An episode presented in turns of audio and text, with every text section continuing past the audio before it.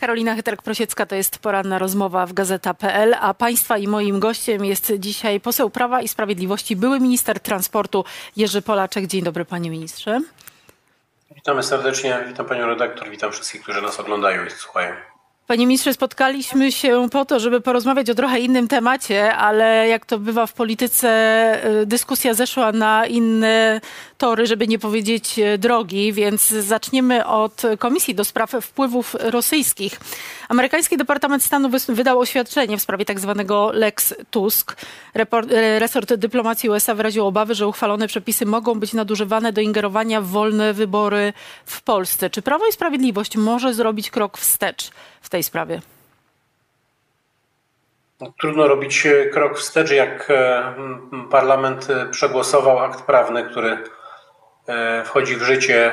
Pan prezydent Andrzej Duda wczoraj podpisał ustawę, aczkolwiek też później skierował ją do kontroli prewencyjnej do Trybunału Konstytucyjnego. Natomiast myślę, że tutaj najbardziej kompetentny byłby komentarz do tego oświadczenia Ministerstwa Spraw Zagranicznych. Ja tego nie czytałem, natomiast myślę, że każdy, e, każde państwo może w własny sposób analizować akty prawne, które, e, które są podejmowane w, w, w Polsce czy w, w jakimkolwiek innym państwie, jeśli mamy do tego jakieś podstawy. No tutaj ale... na razie pozostawiam to bez komentarza, ale myślę, że E, to oświadczenie na pewno zostanie skomentowane przez nasze Ministerstwo Spraw Zagranicznych. No bo przyzna pan jednak, panie ministrze, że w okresie wojny za naszą wschodnią granicą nasz główny partner e, militarny, ale też i ważny partner gospodarczy, i też bardzo ważny partner polityczny mówi o de facto naruszeniu standardów demokratycznych. To jest sytuacja nietypowa, żeby w sprawie jednej ustawy Departament Stanu wydawał opinię.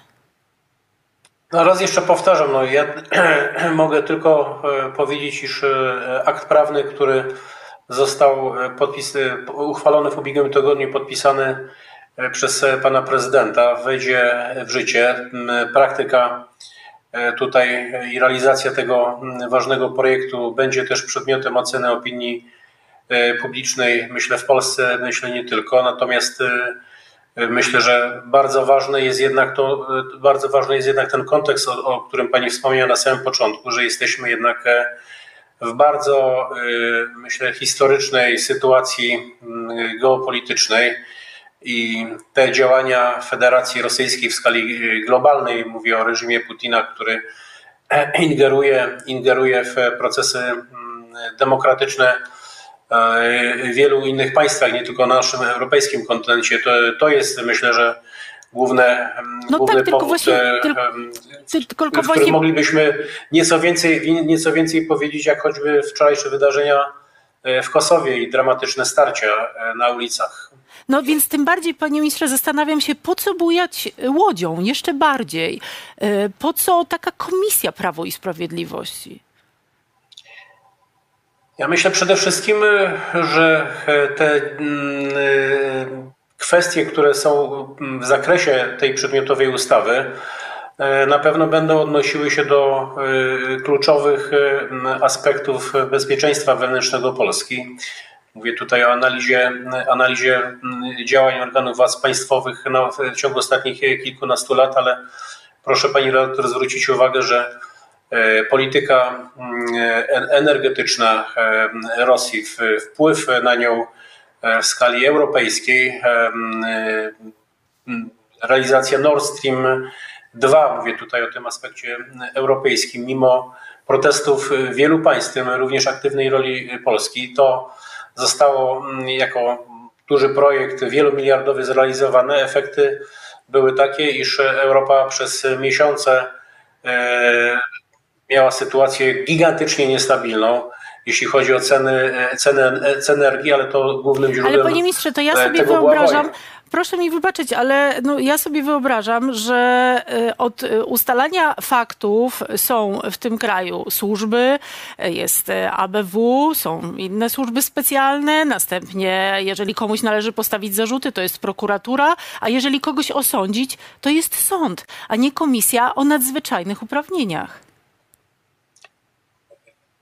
Pani redaktor, na pewno y, y, informacją, może konkretną jest to, iż ta komisja nie będzie e, miał uprawnień e, służb specjalnych, czy też e, uprawnień prokuratorskich. A, Ale ma dostęp do akt, jak wynika z ustawy. no tak, Będzie ale miała dostęp do e, akt. to jest, to, jest, e, to jest działalność, która będzie e, e, realizowała tutaj te, można powiedzieć, cele prewencyjne, jeśli e, będą konkluzje, które będą stanowiły podstawę do wzruszenia na przykład decyzji e, administracyjnych czy podjęcia działań e, to, o czym pani, o czym pani pyta, czyli w tym aspekcie karnym, no to to jest e, też później normalna procedura skierowania takiego zawiadomienia przez komisję do organów ścigania. Ja tylko przypomnę, że w Polsce mamy, mieliśmy w III Rzeczpospolitej do czynienia z i z funkcjonowaniem e, tych komisji śledczych w Tylko, że to nie jest e, komisja śledcza, sprawach. panie one, ministrze. One z, niektóry, z niektórymi wyją- wyjątkami jednak e, nie spełniają, mi się wydaje, w sposób dobry tej roli, do której zostały one kiedyś powołane. Natomiast mamy przecież też zupełnie w innej materii, myślę, że bardzo konkretnej Komisję do spraw usuwania skutków prawnych decyzji reprywatyzacyjnych dotyczących nieruchomości warszawskich, które zostały nabyte z naruszeniem prawa i myślę, że choćby działania tej, tej komisji, tej komisji mogą być jakimś, w jakimś stopniu tutaj przywołane jako e, pewna praktyka, e, która e, Tylko, że doprowadziła tam- do usunięcia wielu niesprawi, niesprawiedli, niesprawiedliwości, też e, Tam też, tam działań o też charakterze przestępczym. Tak, tylko że już nie wchodząc w tę komisję, ale tamta komisja, panie ministrze, nie miała mocy eliminowania ludzi z życia politycznego. A ta wygląda jakby miała czysty cel polityczny i nie mówię, nie nadużywam tych sformułowań, bo to wynika w zasadzie z uzasadnienia tej ustawy.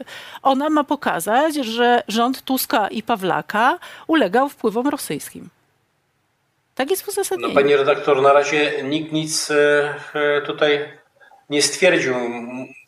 Mówimy tutaj o projekcie, który wchodzi w życie, natomiast e, konkluzje takiej, takiej komisji nie są przecież i nie będą z obiektywnych też powodów nie mogą być zrealizowane w trakcie najbliższych miesięcy w czasie kampanii, w czasie kampanii wyborczej, dlatego że to nie jest e, komisja powołana na kilka miesięcy, tylko ona ma e, tutaj tą perspektywę, perspektywę co najmniej e, roczną czy, czy dwuletnią. Będzie, po- będzie przedkładała ją- raporty, będzie przedkładała ra- raporty, raporty sej, Sejmowi z obiektywnych powodów.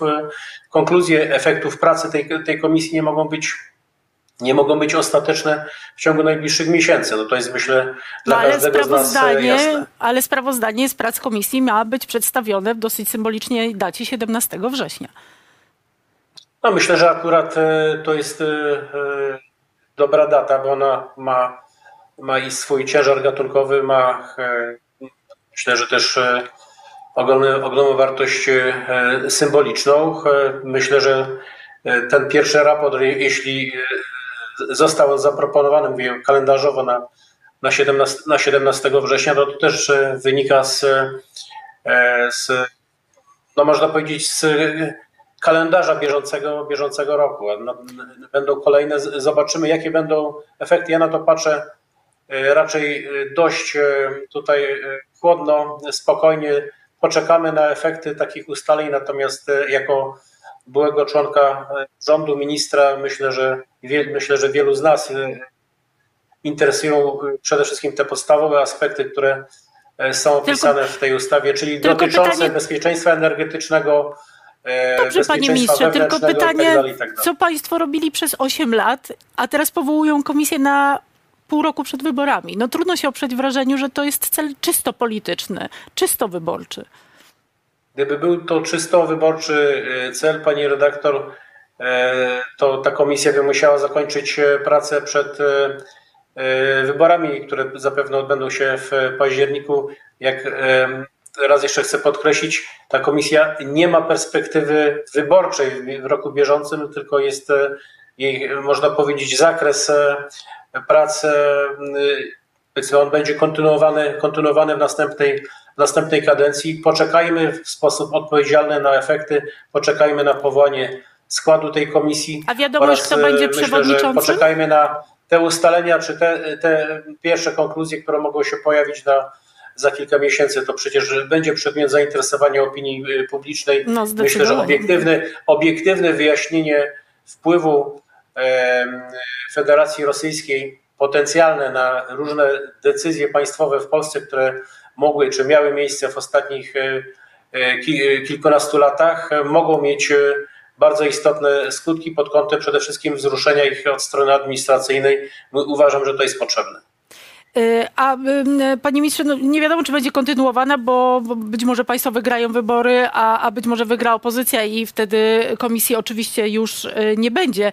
Natomiast chcę pana zapytać, czy pana zdaniem przed komisją y, powinien stanąć także pan premier Mateusz Morawiecki? O ile wiemy, pan mm, premier Mateusz Morawiecki nie pełnił funkcji publicznych e, w, w tych latach 2007-2000. Przepraszam, nie pełnił, nie pełnił funkcji publicznych do, do momentu uzyskania mandatu parlamentarnego. Nic mi nie wiadomo, żeby były jakiekolwiek powody powoływania, powoływania pana premiera jako, jako osoby, która przed taką komisją mogłaby się stawić.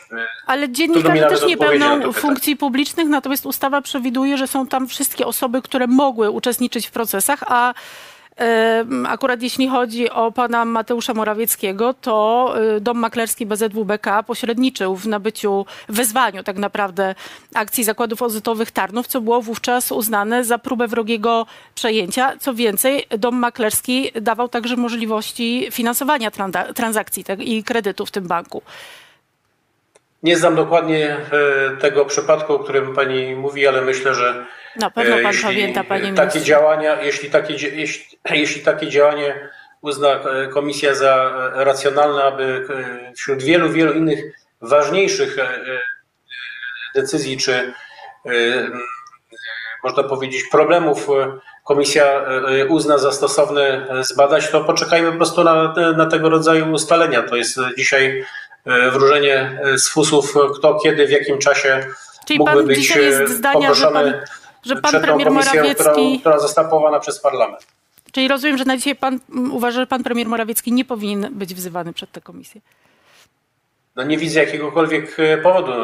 Zostawmy to do, do odpowiedzi tych członków komisji, którzy zostaną powołani przez parlament i myślę, że to jest wtedy gremium, e, które w sposób e, kompetentny może na to odpowiedzieć. A wiadomo już, kto będzie przewodniczącym?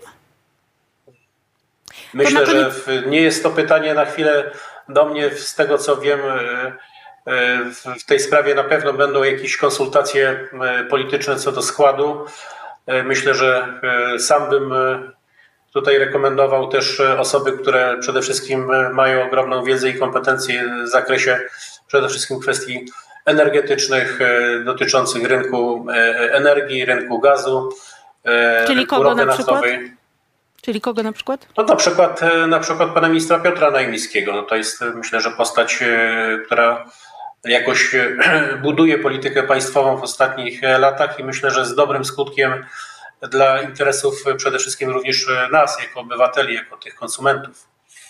Panie ministrze, bardzo dziękuję za ten obszar rozmowy, ale spotkaliśmy się tak naprawdę po to, żeby porozmawiać o tym, czy, czy panu jako byłemu ministrowi transportu y, podoba się decyzja o y, zniesieniu opłat za autostrady na odcinkach państwowych.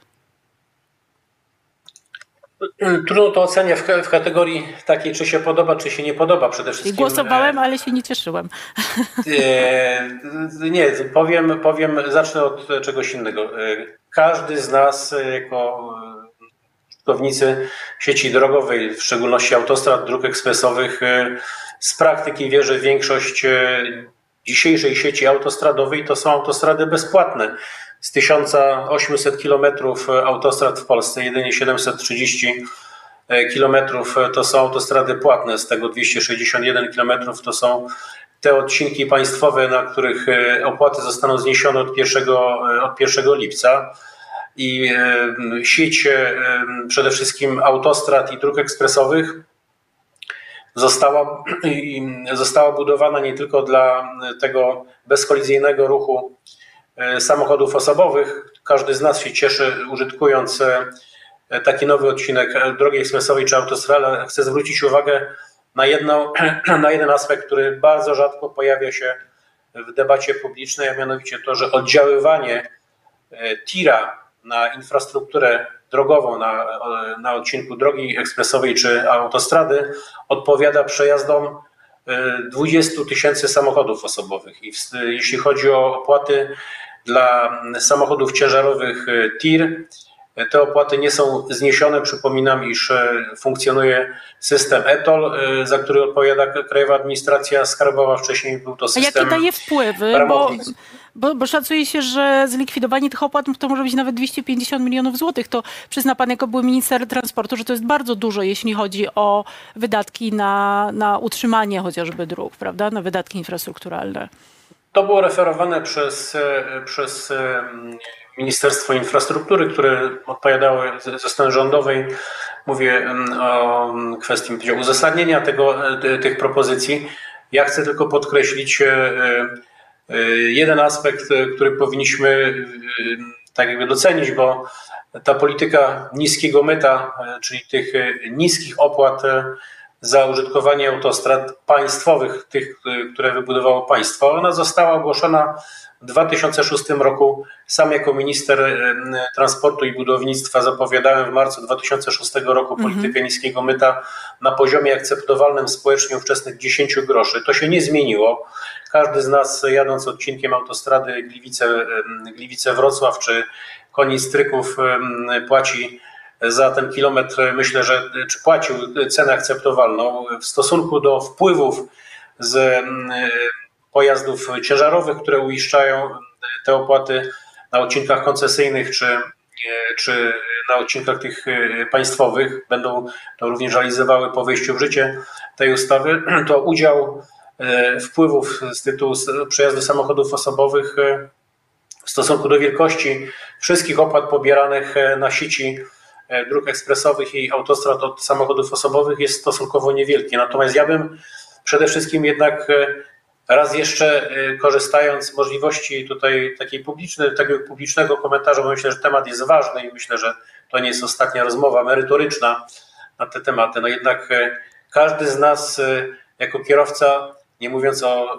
naszych gościach, cudzoziemcach, którzy odwiedzają, korzystając z samochodów sieć autostradową, jednak mało który z nas rozumie, jak to jest, że można jechać odcinkiem autostrady a 2 od granicy z Niemcami świecką i płacić najpierw 56 e, groszy, potem 49, e, e, potem płacić 10 groszy, później jechać odcinkiem bezpłatnym od Strykowa do, do, do Konotopy. I tutaj ta decyzja rządu, pana premiera Mateusza Morawieckiego, poparta przez bardzo, można powiedzieć, znaczącą większość parlamentu, wprowadza, myślę, że w Polsce docelowo taki, taki model, w którym e, opłaty za e, użytkowanie sieci e, dróg i autostrad w, w Polsce będą ponosiły to... samochody ciężarowe, te, które najbardziej oddziaływują na infrastrukturę Ale, drogową, a, wpływy, a wpływy z tych, z tych opłat są wielokrotnie wyższe od tego udziału samochodów osobowych. Tylko panie ministrze, bo ma, mamy już malutko czasu, jeszcze chciałam zapytać o ten aspekt negocjacji z prywatnymi e, właścicielami e, danych odcinków. E, I teraz pytanie, czy pan się zgodzi z tym, co powiedział pan minister Buda, że jeżeli oni nie zgodzą się na negocjacje i zejście z, z tych opłat, to, to możemy posunąć się do wywłaszczenia? Bo pan minister Chorała też mówił, że mm, będziemy sobie radzić z tą sytuacją. Może się tak zdarzyć, nie obiecaliśmy, że od 1 stycznia wszystkie autostrady prywatne będą za darmo. Będzie, będą państwo wywłaszczać?